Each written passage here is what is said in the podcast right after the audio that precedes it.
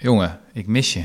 Ja, ik ook wel hoor. Jezus. Ik mis het fysieke contact ook. Het, gewoon het fysieke element van, ons, eh, ja, van onze ik vriendschap. merk dat ook. Ja. Ik had dat me nooit zo gerealiseerd. Nee, dat het veel fysieker was dan je denkt ook gewoon. hè? Ja, hè? Ja. Ja. Sowieso is het leven veel fysieker. Nee, dat klopt. Verdomd zeg. Eh, dames en heren, trouwe luisteraars. Dit is eh, de Rudy en Freddy Show. Eh thuiseditie, aflevering nummer... Waar zitten we? Zes? Zes? Zes, geloof ik. Ja. Zes. Ja. Hoe, lang, hoe lang duurt dit eigenlijk al? Het is vandaag woensdag 8 april. Drie weken. Drie. Alle dagen lijken ook op elkaar.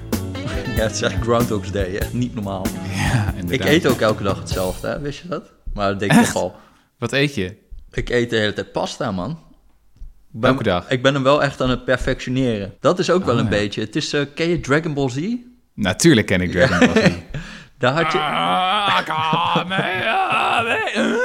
Ja, precies. Afleveringen lang zo opladen naar een hoger power level. Maar eh, daar hadden ze dus ook een tijdskamer. Ja? En dat was dan, dan gingen ze daar in training. En dan ging het gewoon in één keer heel snel. En dan kwamen ze eruit en dan kwamen ze echt super sterk terug.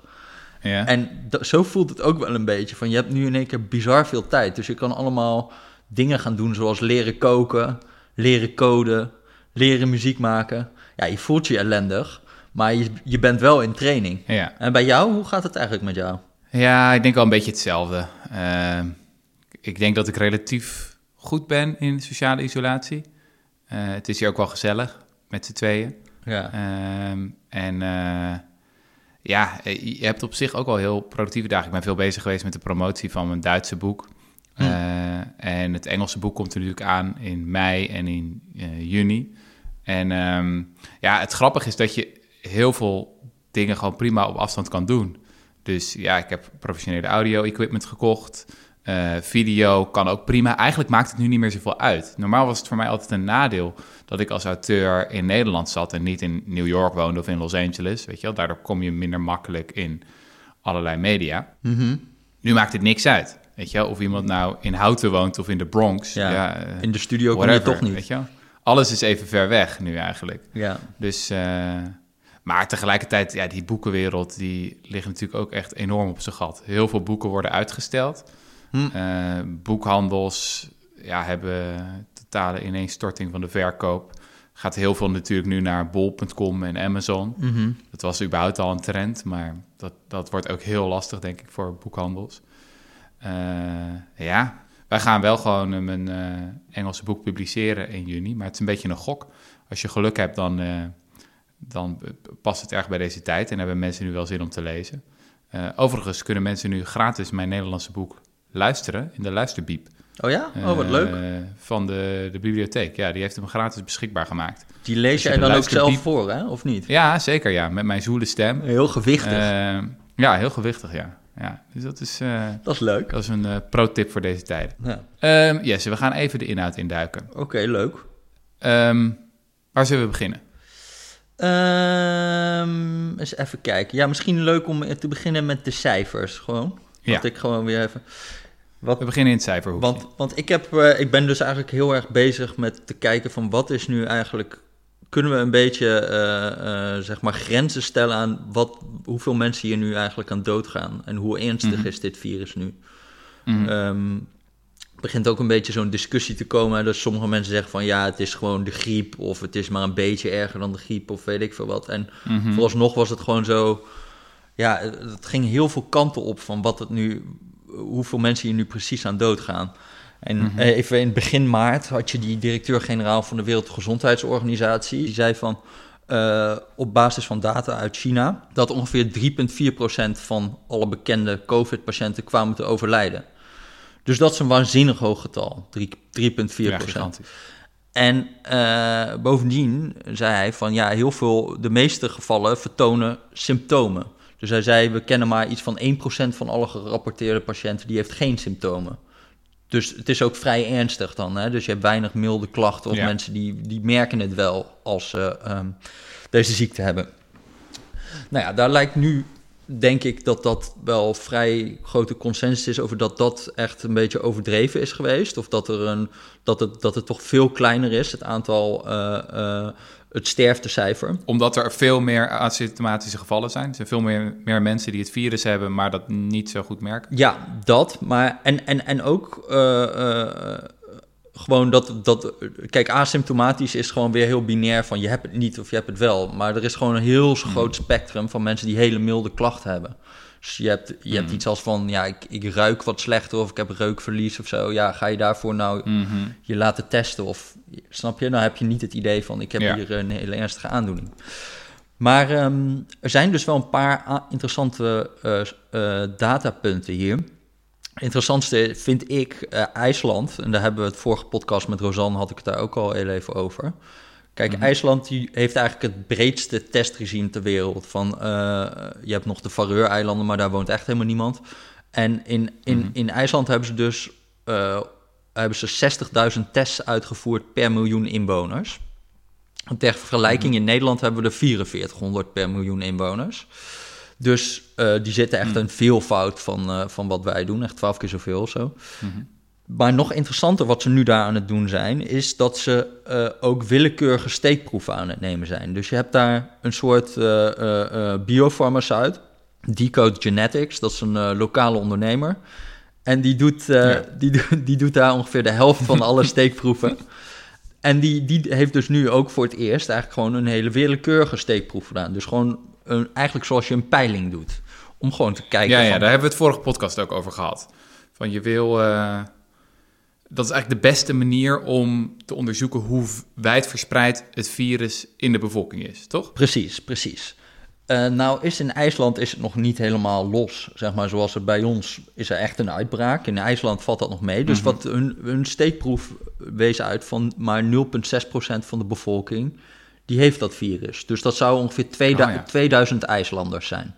En hun officiële mhm. data zegt uh, het zijn er ongeveer 1500. Dus ze, mi hm. ze, missen nog een flink deel, maar ook niet zeg maar enorm. Um, maar nee. maar um, uh, wat er interessant is, is dat er pas vier doden zijn gevallen in IJsland. En elf mensen op de intensive care liggen of zo. Oh. Dus, dus wat is het percentage dan als je gaat rekenen?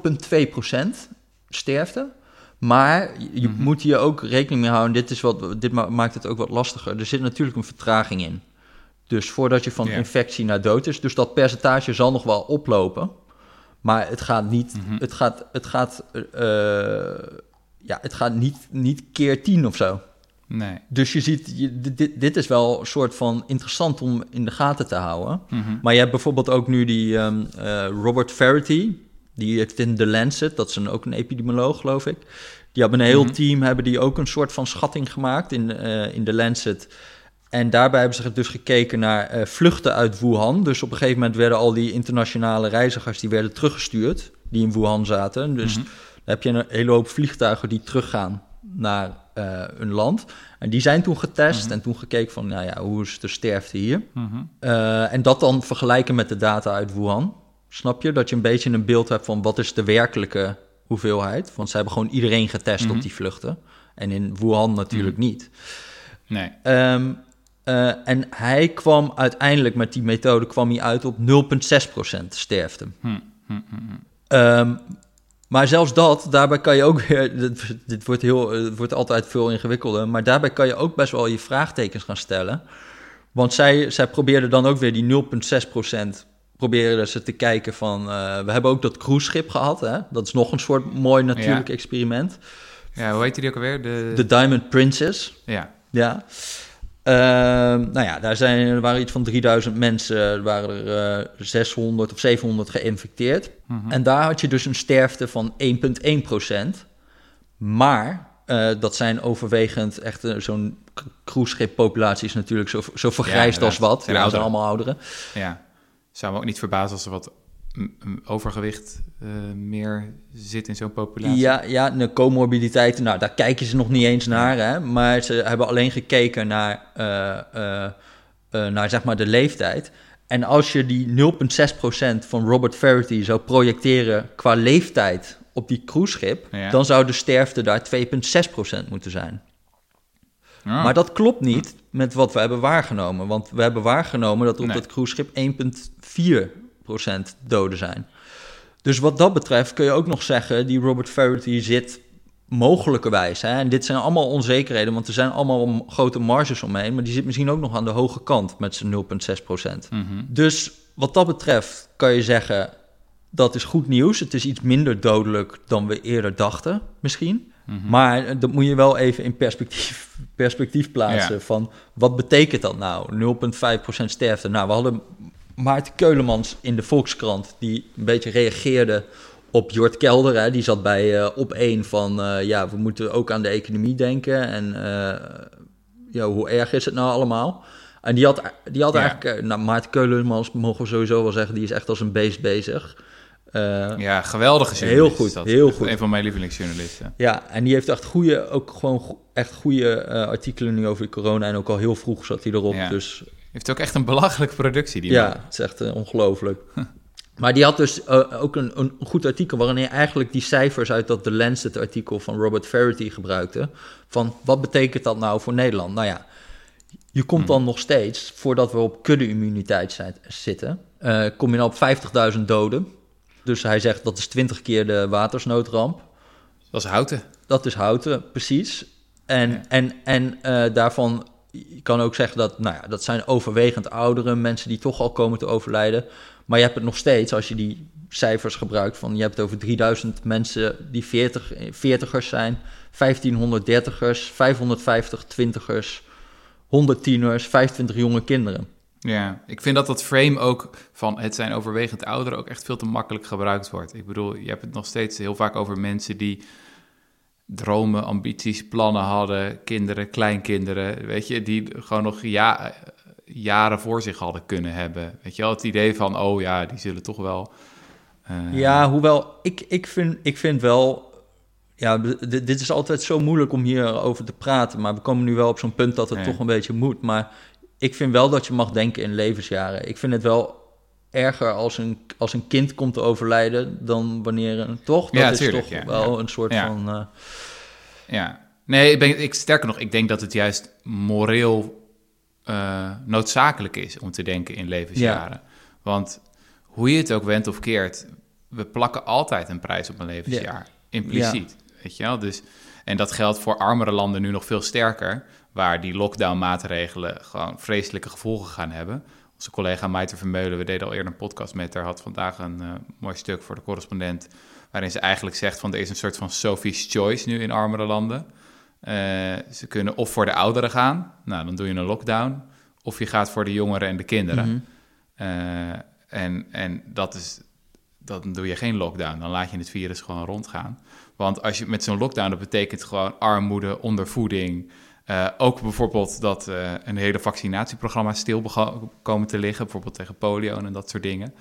Eh, ik, ik heb heel sterk de indruk dat voor landen als India en ook veel Afrikaanse landen, dat het medicijn veel erger is dan ja, de ik vind het echt. Ik, je staat er helemaal buiten hoor, maar dus je, je kan het moeilijk Ja. beoordelen. Maar wat mij betreft, van in zo'n land als India, waar je gewoon honderden miljoenen mensen hebt die niet op sociale zekerheid zitten, dat je dan een lockdown gaat afkondigen, is toch gewoon bad shit crazy. Die mensen hebben geen. Ja. Het is toch gewoon. Ik ben echt benieuwd wat dat. Nou ja, benieuwd. Ik, ben, ik vrees er gewoon heel erg voor. Maar om nog heel even Ja. af te maken over wat die, wat die Maarten Keulemans ook zei. Kijk, wat het allergrootste Ja, eh, ding ook is van ehm 50.000 mensen die sterven, dat is hoog. En dat is zeg maar vijf keer die griepgolf van 2018. Dus griepgolf van 2018 had je 9500 mensen die oversterfte hadden. Dan zou je het nu hebben over keer vijf, nog iets meer. Maar ehm, ja, dat is echt hoog. Maar wat ook nog, wat gewoon blijft, is dat je gewoon, vooral die ziekenhuisopnames, die worden echt absurd hoog. Eh, van, Daar had Maarten ook een goed artikel over. Hè? Dat je dus eh, tijdens die griepgolf, dat zijn we een beetje vergeten. Dat, dat is gewoon zo'n soort van het ding wat, eh, nou ja, dat komt nu eenmaal af en toe voor. Maken we ons misschien ook te weinig druk over. Maar toen was er al een opnamestop in 40 ziekenhuizen. Omdat, je dus, omdat, omdat, omdat dat dus heel erg speelde. En dit coronavirus, daar blijven mensen veel langer liggen omdat het niet een soort van. eh, ze, het is niet opgelost in een paar dagen. Dus mensen blijven heel lang op de intensive care liggen. Ehm, en, Mhm. en, en, en, en eh, dat, dat drukt echt op die capaciteit. En als je kijkt aan die, aan, aan die The Lancet-studie, daar keken ze dus ook naar van hoe, hoeveel ziekenhuisopnames zijn er. Dan kom je op Nederland, zou je een miljoen mensen in het ziekenhuis krijgen. Vroeg of laat. Wat? Hoe moet je hier nou naar kijken? Want zelfs als je zo wil zeggen van ja, ik, ik zie ook wel dat we heel erg aan het onderschatten zijn wat dit voor de economie gaat doen. Ja, maar laten we even de opties afgaan. Want ik heb ook het idee dat dit de week is waarin het echt door begint te dringen dat we eigenlijk gewoon geen goede opties hebben. Dat we ook niet echt een exit-strategie Nee. hebben. Ik bedoel, optie 1 zou zijn het virus laten rondrazen. Nou, dat is een totale catastrofe. Ik kan me ook voorstellen dat op een gegeven moment voor armere landen dit gewoon het scenario gaat Ja. worden. Omdat er eigenlijk gewoon geen andere optie is. En dat die armere landen ook wat dat betreft eerder van het virus af zullen zijn dan rijkere landen. Omdat zij een soort van ja, meer bereid zijn om die hele bittere pil dan te slikken. Of, of gewoon gedwongen worden om Ja, die gedwongen, te slikken. Nou goed, ja, dat is optie 1. Optie 2 is dat verhaal van groepsimmuniteit opbouwen. Nou, dat duurt een eeuwigheid. Eh, dan heb je 10, 20 rondes nodig. Ik bedoel, we, we hoopten in eerste instantie nog... en er was ook die, die controversiële studie van Oxford... eh, die suggereerde dat het virus misschien al veel wijdverspreider zou zijn. Dat zou echt het goede nieuws zijn. Dan, dat er gewoon heel veel meer asymptomatische gevallen zijn... En dat we misschien maar twee of drie rondes nodig hebben van social distancing en je er dan vanaf bent. Dat lijkt toch niet echt het geval te zijn. Nou ja, kijk, daar kan ik ook nog wel iets over zeggen. Als dat sterftecijfer inderdaad heel laag is, Mhm. dan kan je nu al een beetje afleiden aan het hoeveelheid doden in Nederland.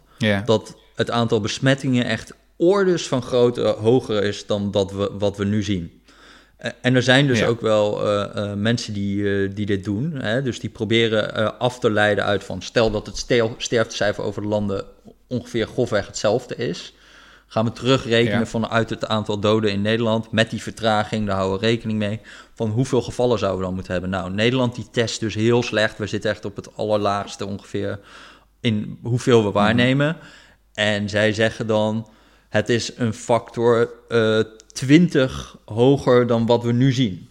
Dus we hebben nu, ik Ja. geloof, 20.000 infecties. Doe dat maar keer 20. Maar dus optie 1, virus uit laten razen, is geen optie. Optie 2, groepsimmuniteit, klinkt ook heel onwaarschijnlijk. Of althans, dat gaat heel, heel lang duren.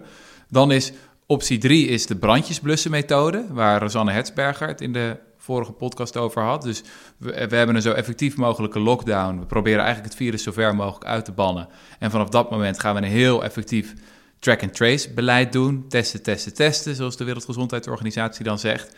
Maar ook daar hebben we wel wat slecht nieuws over gekregen eh, deze week. Bijvoorbeeld Singapore, het voorbeeld eh, internationaal. Een, een eiland, wat is het, 6 miljoen inwoners. Een eh, gedisciplineerde bevolking met een collectivistische cultuur... waarin snel en effectief is ingegrepen door capabel leiderschap. Ook daar gaan ze nu in lockdown. Eh, of zijn ze Mhm. nu al in, in lockdown, omdat het toch te ver uit de hand liep. Zelfde berichten komen uit Zuid-Korea. Dus toch, ik bedoel, als die brandjesblussenmethode lijkt ook niet de heilige graal te zijn. En nou ja, dan kom je bij optie 4 toch weer in lockdown. Maar dan is de vraag, hoe lang hou je dat vol? Ja, En wat is de economische prijs die je daarvoor betaalt? En dan ook, moeten we ook echt helder over zijn. Een economische prijs is ook een gezondheidsprijs uiteindelijk. Als het onderwijs minder goed functioneert, als ehm, mensen minder inkomen kunnen genereren, als het eh, ja, de- gewoon die economische krimp doorgaat en doorgaat en doorgaat, die prijs betalen we uiteindelijk ook in levensjaren. En waarschijnlijk kunnen we dat in een land als Nederland veel beter bufferen dan in armere landen. Maar ook daar zal een grens aan zitten. En eh, los van die gezondheidsimpact is er ook nog de maatschappelijke grens van hoe lang we dit Ja. volhouden. Ik kan me voorstellen dat nu heel veel ouderen worden al, hoe welk woord gebruikt hij? Bad shit crazy over, eh, over thuis zitten met de kinderen. Eh, dat houdt ook een keer op. ja. Eh, we, zijn hem, we zijn hem eindeloos aan het citeren. Ik doe hem nog een keer. Eh, Maarten Keulemans had eh, in de Volkskrant interview met eh, Jan Kluitmans, hoogleraar bij het UMC Utrecht. En die zei dus aan het eind van dat stuk van... ja, je mag de vergelijking eigenlijk niet maken, maar ik doe het toch. Namelijk de vergelijking met de oorlog. Citaat, jarenlang ellende en inperking van de vrijheid... tot de geallieerden zeiden: we gaan nu een heleboel levens opofferen om onze vrijheid te herwinnen. Mhm. Dat is, ik bedoel, dat is nu misschien nog veel te vroeg om te zeggen, maar zo'n scenario is natuurlijk wel denkbaar dat als we hier langer in zitten en de economische schade die loopt op, steeds meer bedrijven gaan failliet. Het wordt steeds duidelijker hoe heftig dit eigenlijk Mhm. is en hoe zwaar die inperking van de vrijheid is, dat we dan toch weer ja, gaan nadenken over, het, over de andere opties. Maar ik kom daar totaal niet uit, want als je al die vier opties hebt, weet je, het virus uit laten razen, groepsimmuniteit, brandjes blussen, lockdown. Het zijn eigenlijk allemaal geen Ja. opties. Het is allemaal niks. Er is geen exit-strategie, er is geen plan. Nee, nee dit, dit, was ook wel interessant van als je eigenlijk nu terugkijkt naar heel veel van die papers die werden geschreven over van we moeten nu in lockdown. Ja. Als je nu naar die eh, grafieken kijkt, dan zie je dat ze allemaal ophouden in oktober. Snap je? En dan is het helemaal niet over, want dan kan het gewoon weer aangewakkerd worden. Dus je hebt eigenlijk de hele tijd van die Ja. pieken en dan stopt het en dan houdt de grafiek op in oktober. Maar ja, dan komt die gewoon weer terug. Ja. En dan gaan we weer in lockdown. En dan, en dan dat, dat Ja, tot wanneer ga je, dat- ga je dat dan doen? Ja, één, tot er een Ja. vaccin komt. En laten we in godsnaam hopen dat dat eh, snel komt. Mhm. Heel veel van die lockdown is eigenlijk tijd kopen. Van hoe meer, hoe meer tijd, hoe meer IC-bedden, hoe meer dichter we komen bij een vaccin, dichter komen bij een middel. Maar er is niet een soort Mhm. van plan van ehm, ja, wat, hoe, hoe, hoe we hier zonder die dingen heel erg goed uitkomen. Nee. Ik- Ik denk ook van heel veel plannen hebben ook best wel veel eh, eh, nadelen als je er ook goed over nadenkt. Hè. We kunnen bijvoorbeeld de, al die testaanpak. Mhm. Ik zag Bas Jacobs, eh, econoom, ook een keer in de podcast geweest. Hè. Die zei bij, Mhm. bij op 1 had hij het over een soort van coronapasjes. Van dat je op een gegeven moment kan laten zien van ik heb het virus gehad, ik ben immuun, ik kan Ja. de economie weer in. Ik geloof ook dat ik dat hier de vorige podcast heb geopperd. Ja. Eh, een beetje zo'n soort idee. Maar een van de dingen die daar heel gevaarlijk is, is dat je nu die vals positieve en vals negatieve hebt. ja, Dus dan kom je op een soort, eh, eh, een soort formules van wat is de kans dat wanneer jij zo'n test hebt en die zegt jij bent immuun, dat je dat in werkelijkheid niet bent. En die, en die kans Ja. is vrij aanzienlijk, veel groter dan je denkt. Ehm, Mhm. en nou had ik ook, zat ik ook die briefing van Jaap van Dissel te kijken. En die had het er ook nog over van ja, soms nemen we immuunstoffen waar in het bloed. Maar dat zijn bijvoorbeeld als Mhm. mensen een milde infectie hebben gehad, dan kunnen ze zich misschien helemaal nog niet zo goed verweren als ze weer geïnfecteerd worden. Omdat ze minder immuunstoffen hebben. Snap je? Dus er Ja. komen weer allerlei ingewikkelde Ja. dingen in van, van wanneer kan je met ja, ja. Het is niet zo eenvoudig van dat je makkelijk kan vaststellen wie immuun is, hoe, hoe immuun Aan de andere kant, je zit hier gewoon ook te praten in kansen en zo. Hè? Dus ge- gegeven het Ja. feit dat jij een, eh, een test hebt die zegt dat jij immuun bent, dan is de kans dat je daadwerkelijk immuun bent natuurlijk aanzienlijk hoger, echt veel hoger, dan wanneer je geen test hebt en je gaat die economie weer in. Maar het is niet waterdicht, dat is wat ik zeg. En dit is ook goed om het misschien een keer over te hebben. Ik denk echt dat we vooralsnog dat het heel erg is gegaan over die gezondheidsimplicaties. Maar ik zie hier ook nog iets heel ingewikkelds gebeuren. Van, ik, ik, we hebben het eerder over bijvoorbeeld het voorzorgsprincipe gehad. Hè? Als je nog niet zeker weet wat iets gaat doen, Ja. moet je het eigenlijk niet doen. Want dan, want dan eh, ja, dat is gewoon gevaarlijk. Zoals nu met het coronavirus. We weten nog een heleboel niet. Dus doe zoveel mogelijk om dat tegen te houden. Alleen ik zie hier twee voorzorgsprincipes botsen. Want ik denk ook dat het he- compleet lam leggen van de economie. Mensen thuis laten zitten. Ehm, ja, dit is ook nog nooit vertoond. En ik, heb, ik, ik, zie, ik kan compleet niet overzien van wat dit allemaal kan betekenen. Voor, voor bijvoorbeeld het onderwijs. Hè? Al die kinderen die nu, die nu een, eh, heel veel tijd Ja. missen. Wat, wat, wat betekent dat? Je hebt mensen die er beter mee om kunnen gaan, mensen die er slecht mee om kunnen gaan. Ja, we kunnen er allemaal over speculeren. Nee. Ik heb geen idee. Ehm, goed zal het ongetwijfeld niet zijn. Ik denk de jeugdzorg bijvoorbeeld. Je hebt voor heel veel gezinnen Ja. is het gewoon eh, naar buiten kunnen, eh, naar school kunnen, naar werk kunnen. Is iets wat gewoon heel erg belangrijk is voor hun leven. Gewoon, omdat, omdat hun, hun thuissituatie gewoon totale ellende is. Wat betekent dat voor die mensen dit? Ja, Ehm, ja. ja, je, je kan, je kan zo'n hele lijst aflopen. De ge- geestelijke gezondheidszorg. Wat betekent dat voor al die mensen? Wat betekent het voor daklozen? En experts tasten ook echt in het duister. Dat vind ik ook echt heel bizar in deze tijd. Enerzijds is het van, oké, laat experts aan het woord, die moeten het zeggen, et cetera. Als het dan gaat over een exit-strategie, ja... Uh... ja, ik denk ook gewoon nog steeds, dat, dat is ook raar om te zeggen gezien de eh, omvang van de maatregelen die zijn genomen. Maar we onderschatten het, mhm. denk ik, ook nog steeds. Uh, van die, die, die krater die dit gaat slaan in de economie. We hebben nu eigenlijk allerlei maatregelen genomen om, um, nou ja, vooral om, om, om zeg maar loonkosten te subsidiëren voor een heel groot gedeelte. Mhm. dus, dus als je werknemers had, dan gaat de overheid nu wil 90% van dat loon goed maken. Als jij een ZZP'er mm bent, dan krijg je geloof ik 1500 euro netto. Maar ja, dat wordt dan ook weer verrekend en bla bla bla. Ja. En, um, maar ja, je hebt natuurlijk nog veel meer kosten als onderneming. Ik geloof dat wij in een van de eerste podcasts uh, die we hier hadden, uh, had ik een soort van plan, wat eigenlijk achteraf gezien niet, niet heel goed uitgewerkt was, maar om eigenlijk de omzet te verzekeren. Ja. Dus je wil eigenlijk dat ondernemingen gewoon hun geld blijven krijgen. Ja, via de BTW. Ja, precies, maar dat gaat niet werken. Dat is mij later verteld. Maar goed, het idee was op zich denk ik wel uh, een stuk beter, want nu krijg je.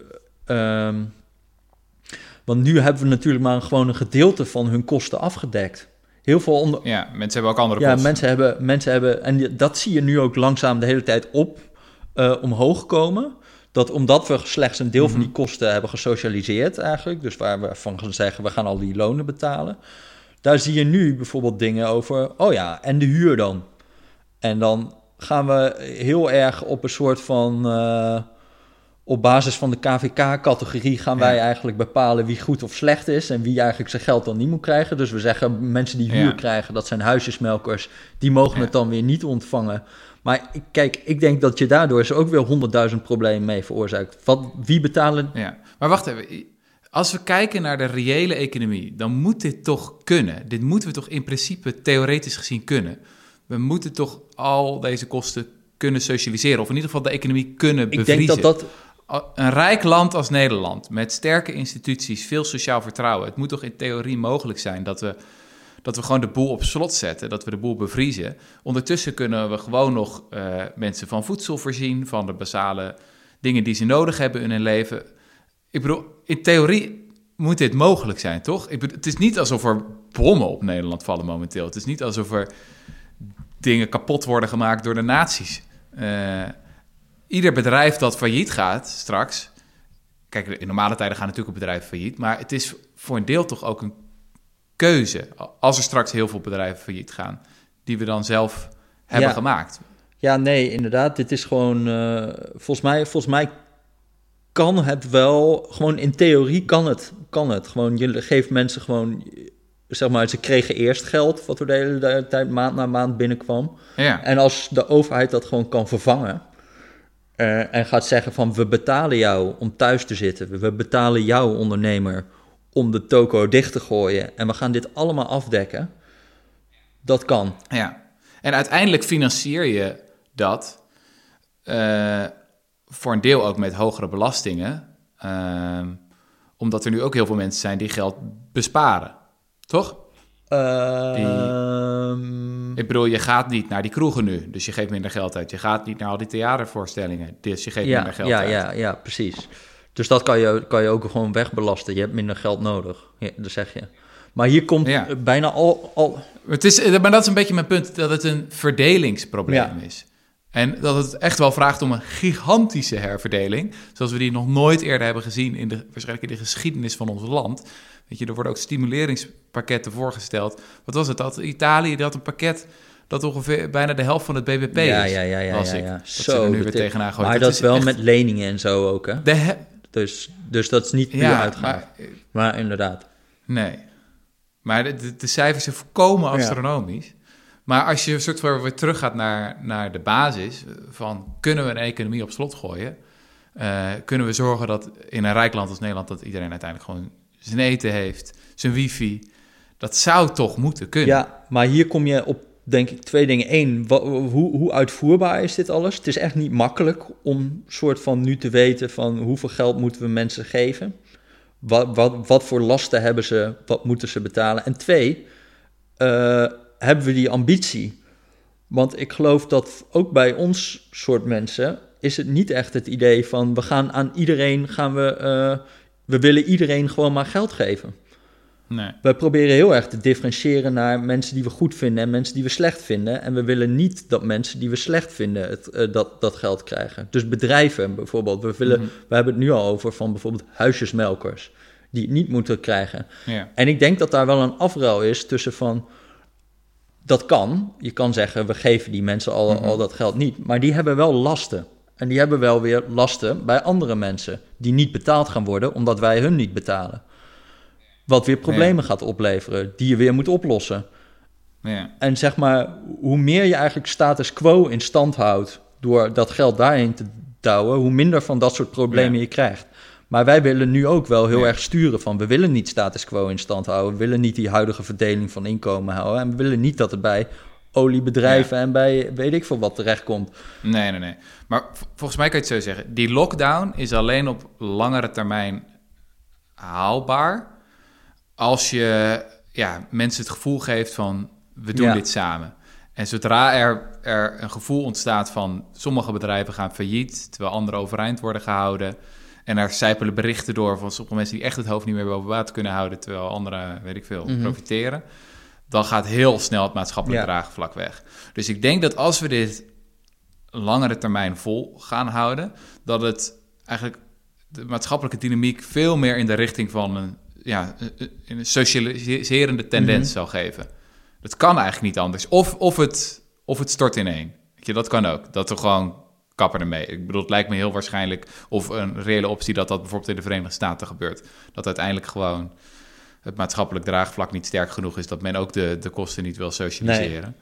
Maar ehm, ik, ik heb dus echt met eh, grote fascinatie het eh hoofdredactioneel commentaar gelezen van de Financial Times afgelopen Mhm. zaterdag. Eh, ik denk dat dat een hoofdredactioneel commentaar wordt dat de geschiedenis ingaat. Zou me echt niet verbazen als dat straks in geschiedenisboekje staat van, weet je al, toen sloeg er iets Mhm. om. Financial Times, grootste zakenkrant ter wereld, bepaalt geen linkse publicatie. Die schreven dus in dat hoofdredactioneel commentaar, en dat is dus, ja, de redacteuren komen samen bij elkaar en die zeggen van, wat is de positie van de krant? Dat is, het is niet zomaar één journalist die dat vindt, maar dat hebben ze samen bedacht. En ze zeggen van, deze crisis betekent eigenlijk dat we terug moeten komen op de beleidsrichting van de afgelopen 40 jaar. Eh, dus 40 jaar lang is het vooral gegaan over, weet ik veel, het belang van een slankere overheid, wat minder belasting, eh, bedrijven de ruimte geven. En deze zakenkrant, de Financial Times, zegt nu dus nee, we moeten weer de Hmm. andere kant op. Dus een sterkere overheid. We moeten nadenken over vermogensbelastingen, misschien een basisinkomen. We moeten eh, meer denken in termen van investeringen eh, in plaats van schulden als het over eh, overheidsuitgaven gaat. Gewoon, ik weet niet, het was, e- het was echt bizar. Het is een soort van alsof je het gewoon zoveel van de denkers waar wij over hebben geschreven en, en over hebben gesproken, ook in de podcast de afgelopen jaren, Thomas Piketty, Mariana Mazzucato, de Italiaanse econoom, die pleit voor een sterke ondernemende staat. Ehm, ik weet niet, dat staat dan ineens in een hoofdredactioneel commentaar van de Financial Times. Ook omdat het niet echt anders Ja. kan. Als we dit tenminste langere tijd op een beschaafde manier willen Nee, volhouden. dat zie je ook gewoon dat het gewoon wordt opgedrongen eigenlijk. Het is, heel, het is ook bij. Ik las nu in, eh, eh, over New York eh, dat ze daar dus. Ja, dat gezondheidsstelsel in Amerika is natuurlijk helemaal masjoggen. Maar daar heb je dus allemaal eerder individuele ziekenhuizen. En nu is dat in één keer een soort van. Ze werken allemaal samen in een soort van. eh, eh, die hele stad zijn al die ziekenhuizen eigenlijk een beetje gesocialiseerd. Van we gaan nu patiënten Ja. verdelen en weet ik veel wat. Wat helemaal niet past bij hun soort van marktgebaseerde eh, systeem, wat daar helemaal niet, dat zat daar helemaal niet in. En je vraagt je af, hoeveel Nee. van dit soort verbanden blijven overeind als dit ooit over is? Als dit ooit over is. Maar, maar, eh, maar zoiets als zo'n ZZP-regeling hier, hè, weet je, al die, al die dingen, daar hebben we het Ja. al heel lang over. Nu zijn ze er. Ja. En we weten ook van, eh, eh, van, die, van de oorlog dat daar ook eh, de, heel veel overblijfselen, zelfs dingen die door de nazi's zijn ingevoerd, die we Ja. gewoon houden. En die, die, Ja. die we toen gewoon hebben geïncorporeerd in ons hele stelsel. Ik kan me niet voorstellen dat, dat, dat daar niet wat van overblijft. Ja, en we hebben het er eerder over gehad, hè, van het gevaar van dat geestelijke hamsteren, dat je de crisis gebruikt om je eigen ideologische puntjes te scoren. Er was ook alweer een tegenlicht aflevering eh, met een trendwatcher. En dat is toch al snel een beetje het gevoel van... ja, jippie we gaan naar de tijd van eh, meer mindfulness... en meer verbinding met elkaar en gratis geld voor iedereen. En weet je wel, de crisis mhm. als kans. En ik denk dat je daar best wel huiverig voor moet zijn om er zo over te praten. Het kan trouwens ook heel makkelijk de andere kant op gaan. We hebben al gezien wat er in Hongarije is gebeurd. Uh, klassiek dictatoriaal scenario. Victor Orban die de noodtoestand gebruikt om, weet je wel, dictatoriale powers... Eh, naar zich toe te trekken. Uh, er zijn nu allerlei privacy-discussies aan de gang. Er komen apps waar dingen mee kunnen nou ja, die we in normale tijden absoluut dat niet mij ook wel. Dat kan ook allemaal blijven hangen. Ik vind het, ik vind het, ja, het is ook wel weer zoiets van, ja, je leest gewoon uh, wat iedereen schrijft en het is niet alsof er mensen tot hele grote nieuwe inzichten zijn gekomen door deze pandemie, hoor. Iedereen zit gewoon zijn puntjes te scoren. En nu krijgen we ook weer door deze pandemie dat de privacy mensen zullen ook wel weer zeggen dat dit allemaal verderfelijk is met zo'n app.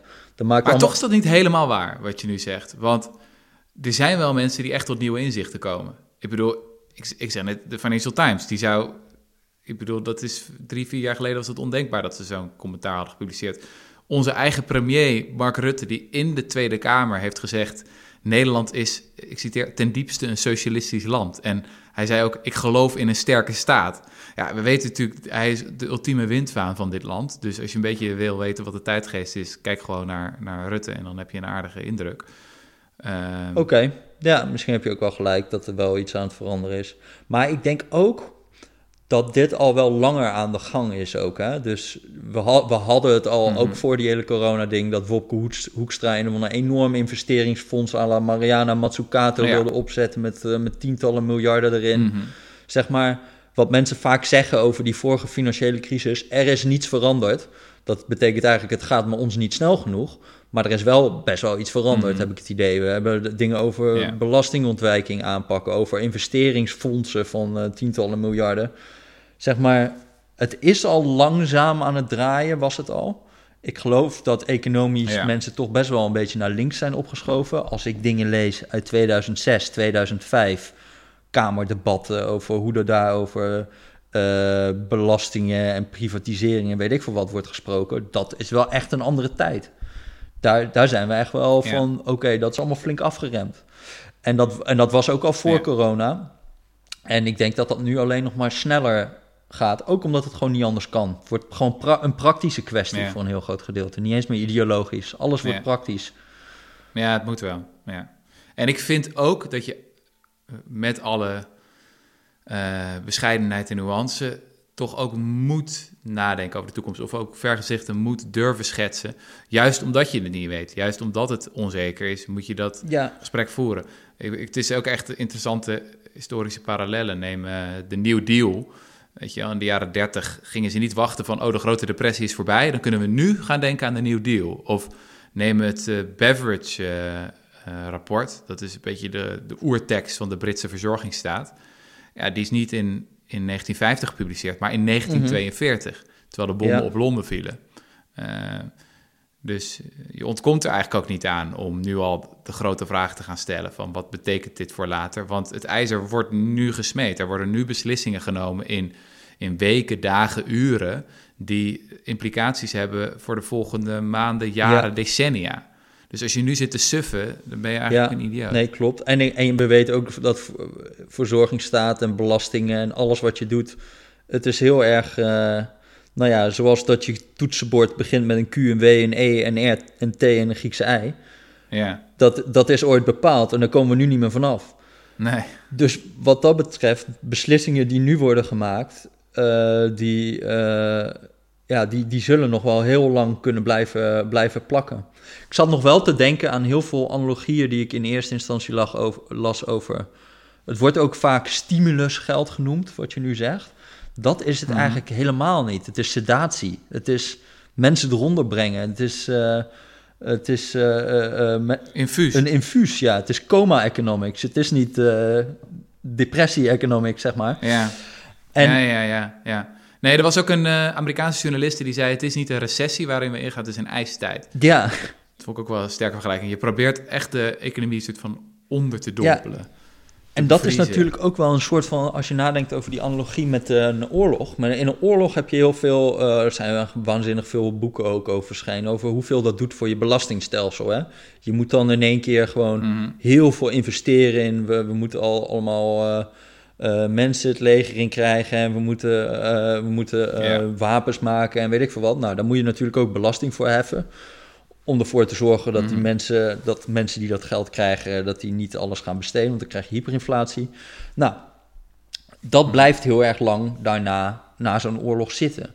Wat we nu gaan doen, is ook heel veel eigenlijk eh, eh, verzorgingsstaatarrangementen maken. Van dingen van, we gaan hele groepen, die Ja. moeten we van geld gaan voorzien. We zijn heel erg veel bezig met Ja. En wat dat betreft denk ik dat deze analogie dat het minder voor belastingen gaat doen en veel meer voor onze uitgavenkant. Van Ja. wat ik al zei, hè, zo'n ZZP'er-regeling bijvoorbeeld, eh, dat dat allemaal wat meer gaat beklijven. Ja. Ja. ja, en je ziet dus ook dat de sterkste verzorgingsstaten hier nu het beste tegen bestand zijn. Ik bedoel, geprivatiseerde gezondheidszorg is eigenlijk volkomen idioot. Je zei al, New York wordt gewoon gedwongen om dingen alsnog collectief te gaan regelen. Aan de andere kant lijkt het mij ook dat ja, als je dat gaat doen, een steviger sociaal vangnet kost geld. Uiteindelijk moet dat gefinancierd worden. Je kan eh, lenen. Nou ja, lenen is praktisch gratis nu. Maar op een gegeven moment zal ook dat, die tijd eh, eindigen. Dan moeten die belastingen toch nog omhoog Mhm. Dat is om de waar. boel eh, Dat is waar. te Dat is waar. Alleen voor, nu, voor nu is het natuurlijk zo dat Italië gewoon de helft van haar BBP gaat uitgeven zonder dat, zonder dat ze daar belastingen voor gaat heffen. Dus dat gaat nog wel even duren, denk ik hoor, voordat we daar zijn.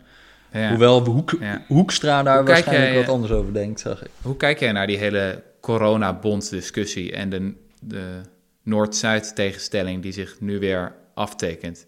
Is dit een herhaling van het, ja, van het Griekse schuldenscenario? Dat, dat Nederland en Duitsland, ik weet eigenlijk niet of Duitsland daar helemaal hetzelfde Maar ik staat geloof Nederland. wel, alleen retorisch Eh, wat minder eh, drastisch, dacht ik. Hm. Maar Oh ja, Nederland is een beetje de, hoe zeg je dat? Die eh, is ja, de bad ja, cop ja, of zo. precies, ja. Maar ehm, ja, misschien is het goed als we hier ook een keer een podcast over doen. Dan ga ik me ook weer wat, even wat meer inlezen op dit hele dossier.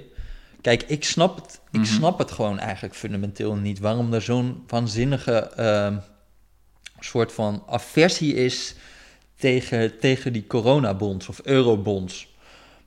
Maar Mhm. Ehm, kijk, wat, zij, wat, wat, wat Nederland eigenlijk wil, is van we gaan dat eh, Europese noodfonds gebruiken om vanuit dat noodfonds te lenen aan Italië. Maar dan kunnen we er nog allerlei voorwaarden Ja. aan verbinden.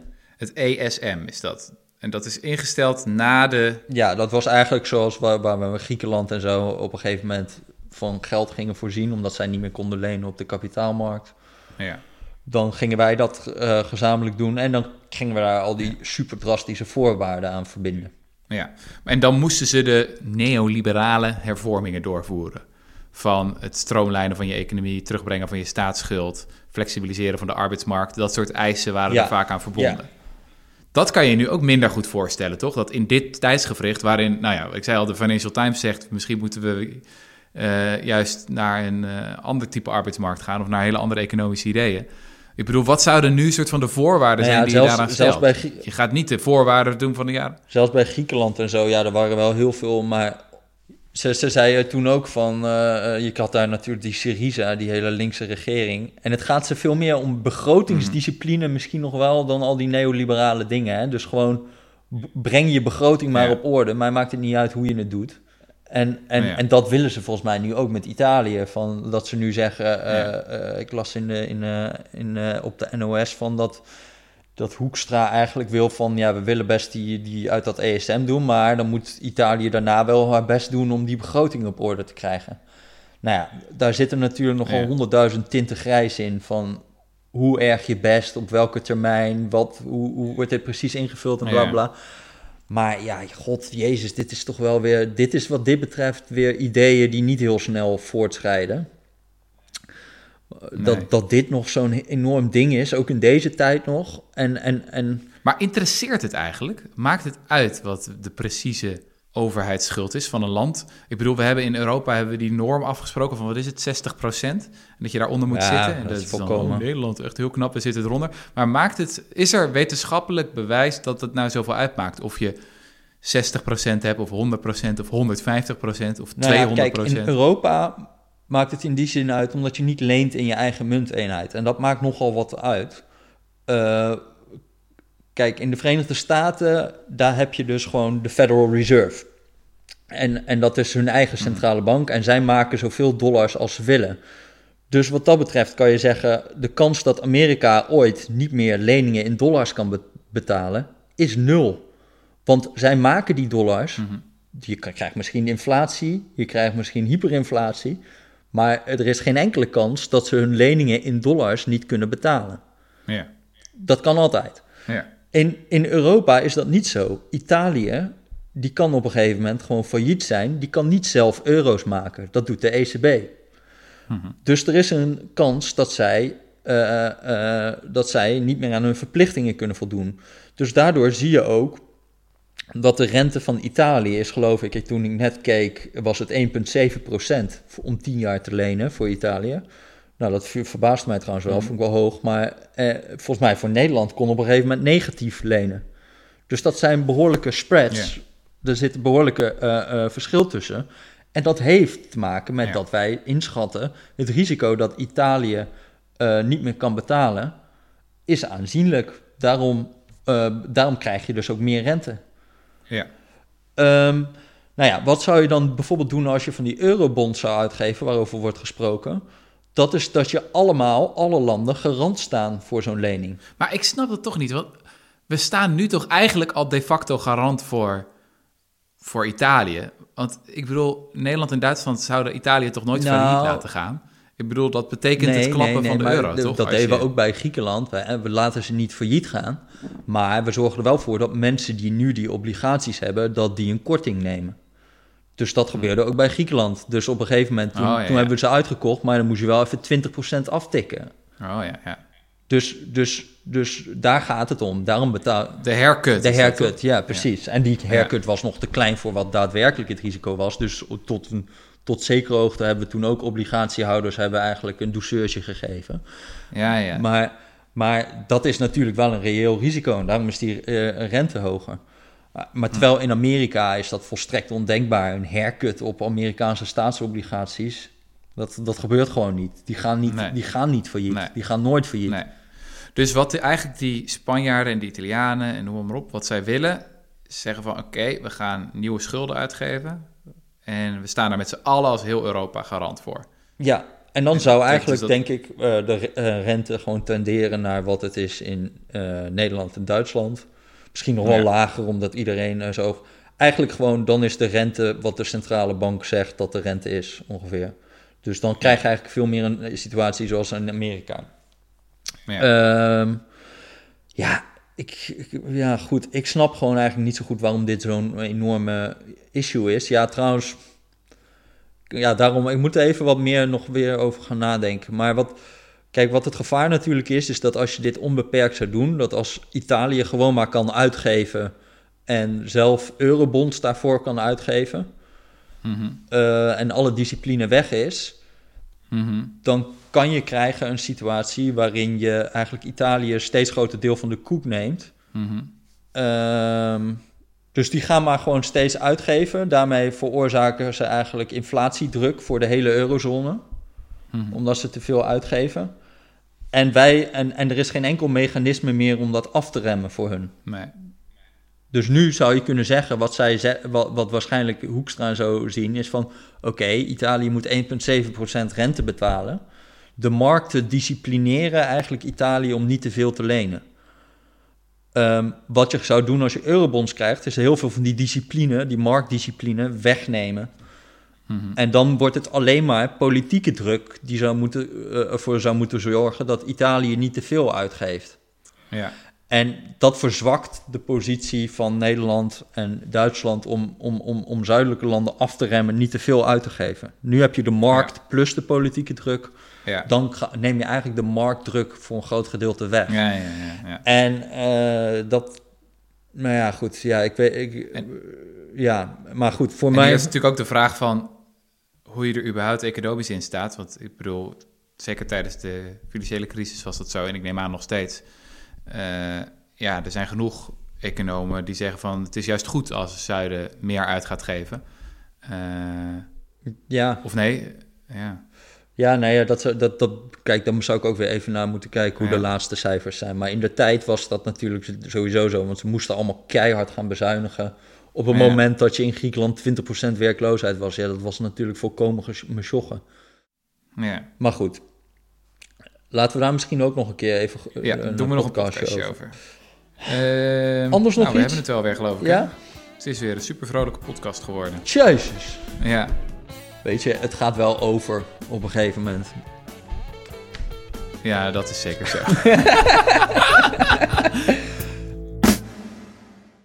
ik heb trouwens wel weer een nieuw computerspel gedownload. Oh god, wat nu dan weer? StarCraft 2. Oh ja? Wat leuk. Ik ben dus weer bezig met Quake 3 dat is gewoon een, een game uit een tijd van... Nou, ik heb collega's die toen nog niet eens geboren waren, zeg maar. 1998, Quake 3 CPMA. Ik vind het ook wel echt maf dat er een pandemie nodig is geweest... voordat ik weer aan het gamen ben geslagen. Ja,